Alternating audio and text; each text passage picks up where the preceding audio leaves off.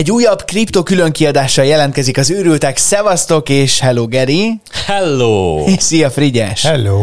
A maga biztonságod úgy látom most is tökéletes. Hibátlanul érkeztél meg a stúdióba.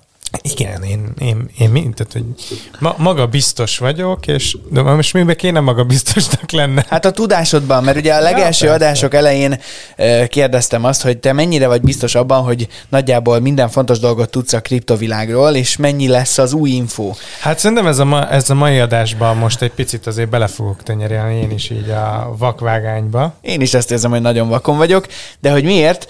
Az már is kiderül. Magyarország legforróbb tech bulvár híreivel érkezik Tálas Péter Csongor, Máté Geri és Frigyes. Kapcsoljuk a Szegedi Dórofiszt.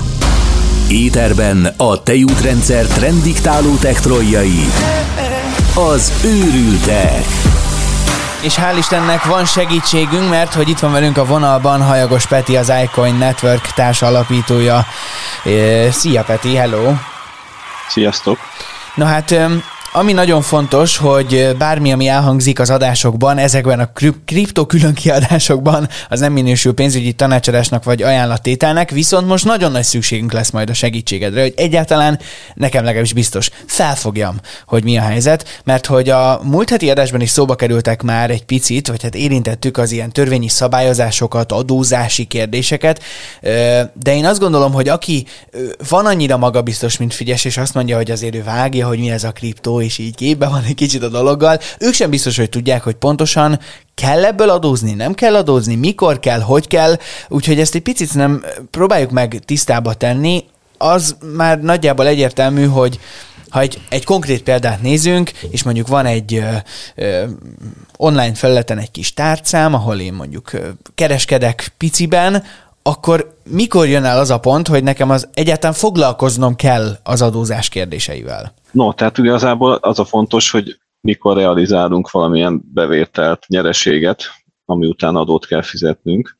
Ugye mindig azt kell figyelni, hogy, hogy amikor valaki kereskedik a, a kriptóval, akkor bevételnek magyarországi szabályok szerint az minősül, ami egyszerűen a nyereség kategóriát jelent, egy árfolyam nyereséget egy-egy kriptóügylet kapcsán, és ezeknek a, a nyereségeknek a adott időszaki összegét kell figyelembe venni adózási szempontból. Tehát az adott időszak az mindig egy tárgyévet jelent. Magyarországon uh-huh. úgy, úgy adózunk magánszemélyek, hogy mindig az előző tárgyévnek a, az eredményeit kell figyelembe venni. Itt lehetnek ugye veszteségek is, tehát nem feltétlenül csak nyereségről tudunk beszélni, és ennek ott van jelentősége, hogy a, a magyarországi szabályozás az, az most már lehetővé teszi, hogy három évet egyben nézzünk, tehát hogyha voltak veszteséges éveink, akkor célszerű azt is ugye célszerű volt azokat is az adóbevallásba betenni, mert három éves távlatban ezeket figyelembe lehet venni, mondjuk volt két veszteséges évünk, a harmadik nyereséges, akkor a harmadik évi nyereségünkből levonhatók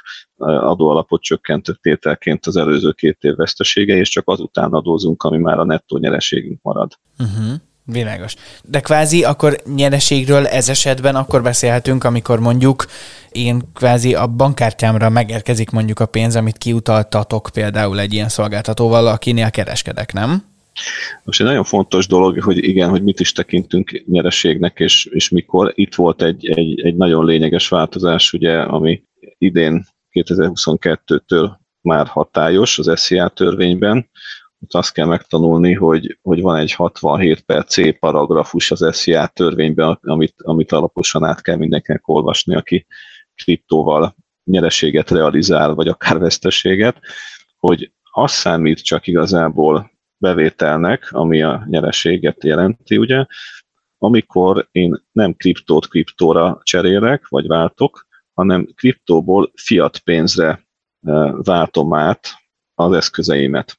Tehát csak a mhm. fiatra váltáskor keletkezik az a bevétel, ami után adóznom kell. Tehát hogyha én még folyamatosan bitcoint Ethereumra vagy egyéb kriptóra cserélgetek oda-vissza, akkor az nem adóköteles, még hogyha így halmozódik is mondjuk valamelyik egyenlegem, tehát folyamatosan növelem az Ethereum egyenlegemet, vagy a Bitcoin egyenlegemet, mert annyira jól csinálom a dolgomat, akkor az csak és akkor fog adóalapot jelenteni, hogyha én azt átváltom vagy forintra, vagy euróra, vagy bármire, USA dollárra, amiben éppen meg tudom ezt oldani mondjuk egy, egy kriptotősdei kereskedési számlán. Ezt úgy hívják, hogy ez a fekete doboz elve. Tehát nem vizsgáljuk azt, hogy, hogy sok száz, akár vagy több ezer tranzakció is keletkezhet egy év során, amikor, amikor oda-vissza ugye váltogatunk, cserélünk kriptókat a tőzsdén, és ezeket így, ha külön-külön minden egyes tranzakciót meg kéne vizsgálni, hogy na ott akkor mennyi volt a nyereség és a veszteség, és ezért attól szerintem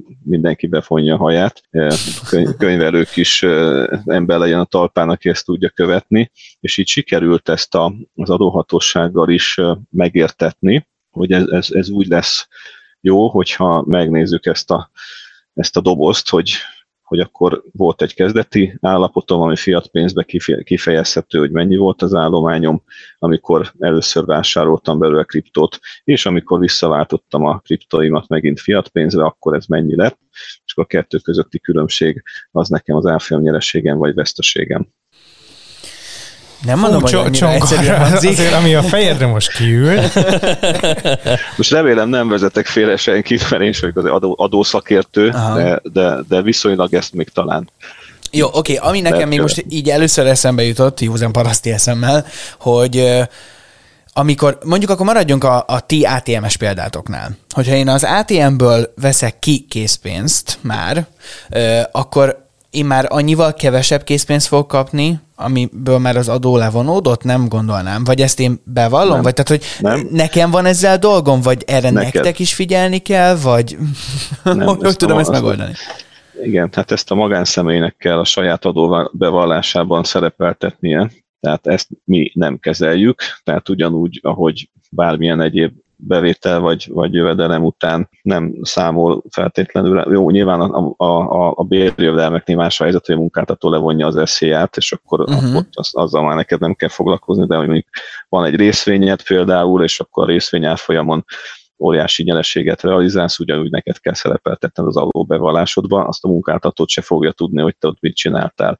Ugyanígy a munkáltató sem fog tudni feltétlenül arról, hogy milyen kriptó nyerességeid vannak, ezért ő sem tudja ezt feldolgozni, meg berakni helyetted a, a bevallásodban, hanem ezt neked kell megoldani. És erre mondjuk a, a hogy is mondja, hogy fogalmazzak szépen, szóval, hogy Mondom én, a könyvelők föl vannak erre készülve? Igen, vagy pont ezt akartam, honnatok segítséget Pont ezt akartam kérni? mondani, hogy így elnézve, a, és nem buzdítva senkit arra, hogy kerülje ki a törvényi dolgokat. Ne, nem, még véletlen Nem, de hogy, hogyha így nagyon az életből, meg így a gyakorlatból jövünk, így elnézve, amikor bemész egy kormányablakba, vagy bárhova, a, ahol még így hát a rendes digitális rendszerre sincsenek nagyon felkészülve, mindezt lekövetni, hát nem tudom, hogy hogy fogják megcsinálni, persze kell, meg legyen lekövetve, de hogy szerintem ez így még... Így hát nekem most első körben az, e- a legelső kérdésem az lenne, hogy ha ezzel bajba vagyok, és nem értem, mert honnan érteném? Kihez fordulok egyáltalán segítségért? Ne, nemzeti kriptó hát, hivatal. Hát egyébként a,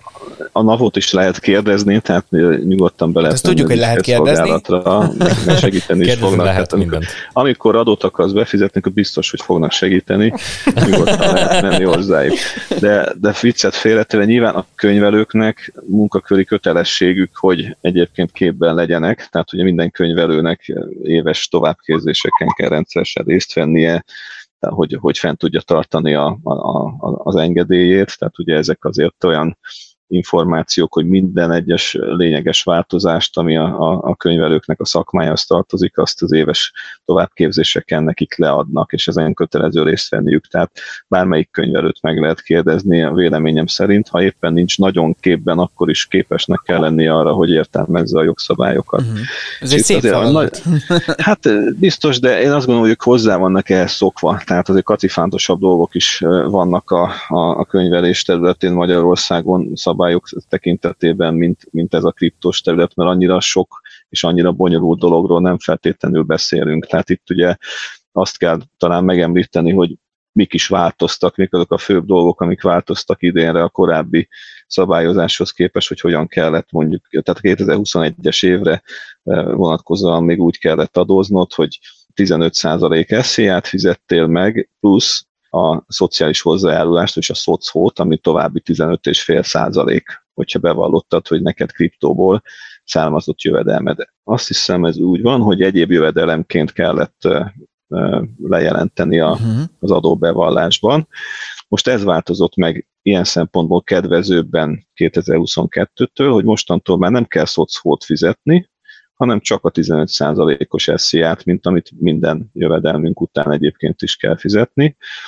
És ugye említettem ezt a fekete doboz elvet, hogy, hogy ugye csak akkor, hogyha fiatra váltod át a, a kriptódat, tehát hogyha te végig csak kriptóba tartod, és kriptók között váltogatsz, akkor ez nem tárgya a bevallásnak. Van, vannak még ilyenek, hogy ilyen, ilyen összeghatárok is, amik a minimálbérnek a, az összegéhez vannak kötve, hogy, hogyha az összes bevételed az nem éri el a minimálbér összegét, akkor tulajdonképpen nem kell szerepeltetned a bevallásban. Hát ilyen apró kis finom szabályozások még ezen az oldalon vannak. A költségeid voltak ezzel kapcsolatban, azokat levonhatod, tehát ugye itt ugye nem csak a kriptóval kereskedőkről szól ez a dolog, hanem vannak azért bányászok Magyarországon is, akiknél mondjuk ugye a, a, a számítógépek áramot fogyasztanak, akár a gépeket is ugye meg kellett vásárolnod, tehát ez mind-mind költségtényező, amiket lehetővé tesz a törvény, hogy levonjál, és csak a fennmaradó nettó nyereséged után kelljen adót fizetned. És hát ugye van még egy fontos dolog, hogyha eddig elmulasztottad a korábbi években, hogy bevalljad a kriptó bevételeidet, és akkor nem adóztál utána, és van egy ilyen adóamnestiának nevezhető lehetőség is, hogy, hogy, hogy az elmúlt öt évnek az adózatlan jövedelmét mindenféle bünti nélkül le lehet most adózni. Úgyhogy ezek a főbb változások, amik fontosak. Még talán azt érdemes megemlíteni, hogy a, ugye a jelenleg az, az összevont adóalapba kerül a, az árfolyam nyereséged, tehát az összevont adóalapba tartozó jövedelmeknek a része a kriptós jövedelem is, tehát ilyen szempontból érvényesíthető vele szemben az összes olyan adókedvezmény, mint például a családi adó alapkedvezmény, ami, ami egy jó dolog tud lenni. Na de ez nem így lesz a későbbiekben, tehát ha jól tudom, úgy fog változni ez a része, hogy talán éppen 2023-tól már külön adózó jövedelem lesz majd a kriptó, Aha. külön önálló kategóriába ilyen elkülönült jövedelemként fogják kezelni, tehát kripteszközzel végrehajtott ügyletből származó jövedelemként lesz majd nevesítve. Ez azt jelenti, hogy innentől kezdve már nem lehet adókedvezményeket érvényesíteni hát ez vele micsoda, szemben. micsoda szörnyűség. Nekem az, az jutott eszembe, most valószínűleg erre megvan így a válasz, hogy hát ugye itt nem forintokba megy a, a kripton a nem tudom, így a kereskedés, tehát hogy, hogy én ha eurót veszek ki, és utána váltom, vagy euróba tartom, akkor én euró alapján fizetek adót? Vagy tehát itt az átváltási dolgok, ezek hogy vannak? Hát itt ugye általában a devizáknál mindig van egy átváltási árfolyam, ahol a Magyar Nemzeti Banknak a, az adott napon érvényes árfolyamát kell megnézni, deviza árfolyamát, és úgy kell forintosítani ezt a realizált nyereséget vagy veszteséget. Most sejtettem, hogy ez így működik, vagy hát hogy erre így vannak, vannak példák. Kedves Csongor, kérdezed itt tőlem sokadik adás óta, hogy milyen az önbizalmat. Neked most már milyen az önbizalmat?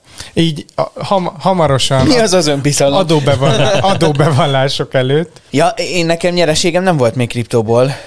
Lehet nem is lesz ezek után, nem tudom. egyébként, egyébként a, hogyha valaki, és most szigorúan jó hiszeműen teszem fel ezt a kérdést. Tehát, hogyha valaki... Milyen jó, mikor már így indul. Hogyha, igen. hogyha valaki mondjuk megfontoltabb, mert látja, hogy még egy kicsit képlékeny az, hogy milyen adóügyi szabályozások vannak a, a kriptó körül, akkor egyébként mit tehet a tőzsdén belül, hogyha nem tudom, van mondjuk egy coin, ami, amit megvet mondjuk másfél dollárért, és aztán egyik napról a másikra 1500 dollárt ér. Tehát mit tehet akkor, hogyha, hogyha ez megvalósul, és ö, szeretné, hogy, hogy ez, a, ez a profit, ez ö, hosszú távon konzerválható legyen. Milyen szépen fogalmazol. Hát itt a kulcs mindenképpen az, hogy mikor kerül fiat pénzre, vagy átalakításra ez a, az adott kriptó, mert ott abban a pillanatban, abban a tárgyévben ez adókötelessé válik. Tehát, hogyha, hogyha ezt úgy tudod forgatni, hogy nem, nem lesz belőle semmelyik lépésben sem fiat pénz, akkor tudod ezt így éveken keresztül halmozni, anélkül, hogy adókötelezettség terhelne. De hát egyszer ugye eljön a nagy pillanat, amikor öt éven keresztül mondjuk így forgatod a kriptódat, és, és akkor egy irgalmatlan nagy nyereséged van már, és akkor azt valamilyen módon mégiscsak euróra, vagy akár USA dollár, vagy bármire át akarod váltani, és, és akkor ott, ott az ugyanúgy érinteni fogja ez a 15%-os adó kulcs. Az előző adásokban is beszéltük, hogy az szerintem azért a kriptó, aki így a kriptokkal elkezd keres, vagy, vagy foglalkozni egyáltalán, azért ez a, ez a világ azért a tudatos pénzkezelésre is nevel. Tehát, hogy most itt elpoénkodtunk azon, hogy ilyen szabályozás, olyan szabályozás, de akinek a pénzügyi tudatossága megvan, azért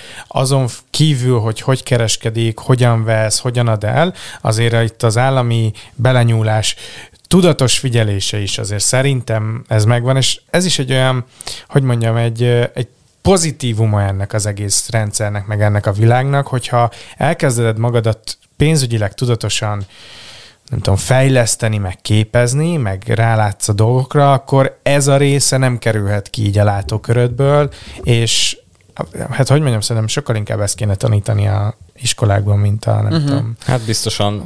Egyébként, A, B négyzet, plusz-minusz egyéb, egy, Egyébként valamit. nekem, tehát ez most szigorúan az én véleményem, hogy... Szigorúan? Szigorúan. Tehát ezt szeretném hangsúlyozni, hogy ez, ez az én szubjektív álláspontom, hogy szerintem a kriptó az, tehát egyrészt, amikor én megveszem a kriptót, akkor én már áfát is, vagy valamit fizetek vele, Másrészt adóügyi szempontból egy kicsit inkorrektnek érzem, hogy én kockázatot vállalok a befektetésemmel, és hogyha esetleg bebukom, akkor nem kapok semmilyen támogatást. Hát igen. Viszont, hogyha profitot realizálok, akkor ez adóköteles. Tehát szerintem ez ilyen szempontból inkorrekt egy kicsit.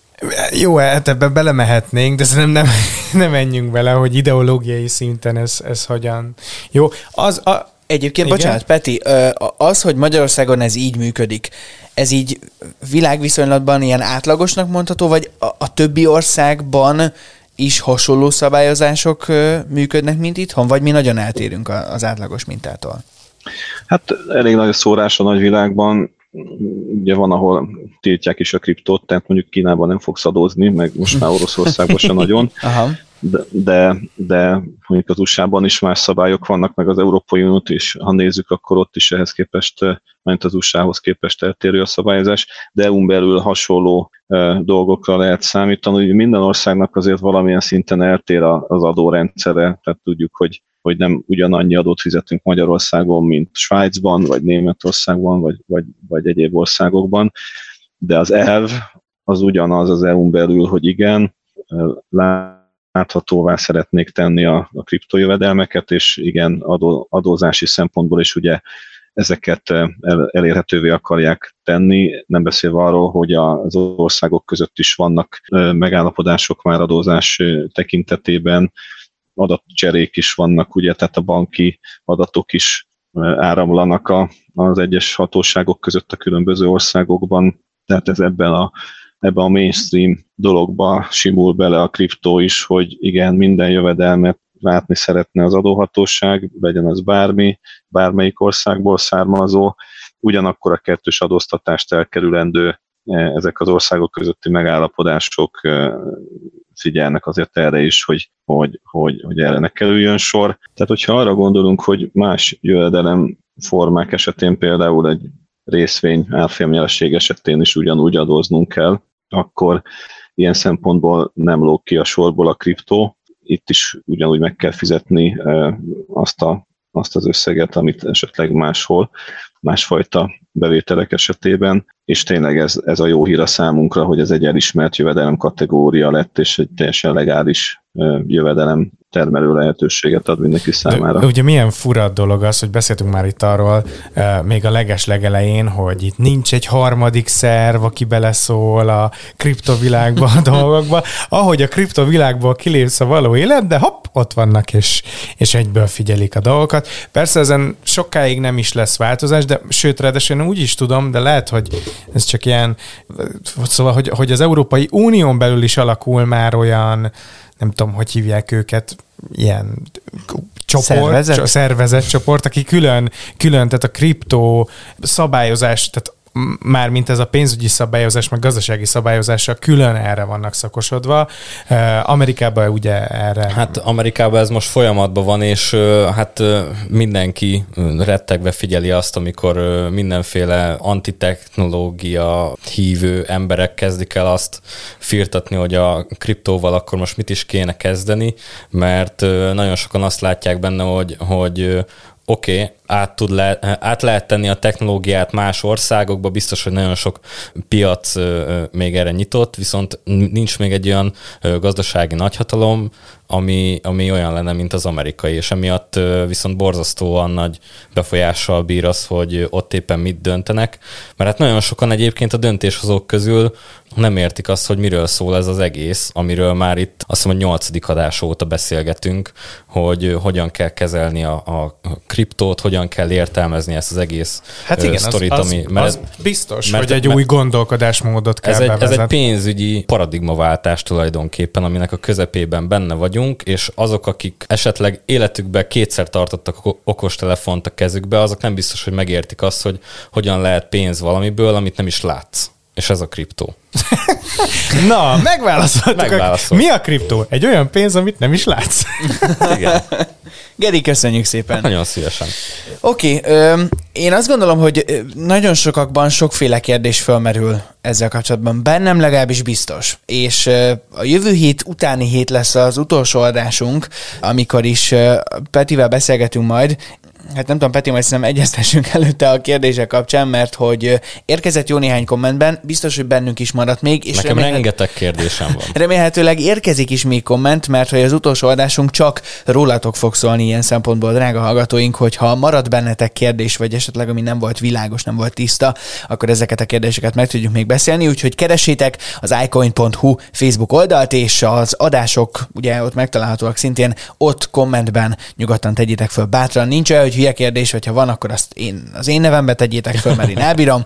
A lényeg az, hogy, hogy ez lesz az, az utolsó adásunk. A jövő héten viszont, hát van itt még egy olyan dolog, ami eddig nagyon kevésszer került szóba, legalábbis ebben a sorozatban, viszont mi már beszéltünk róla, ezek az NFT-k. Úgyhogy innen folytatjuk. Peti, neked nagyon köszönjük, és nagyon jó munkát kívánunk. Én is köszönöm. Maradjatok velünk, örültek, egy hét múlva folytatjuk a következő kripto külön kiadással. Így. Hoppá. Szevasztok, ez véletlen volt. a NAV. Ennyi volt. Nyugi, a srácok hamarosan visszatérnek. Kövesd Magyarország legforróbb tech bulvár műsorát Facebookon, Instán és Youtube-on is. Az őrültek főhadiszállását a Szegedi Dórofizban rendezte be.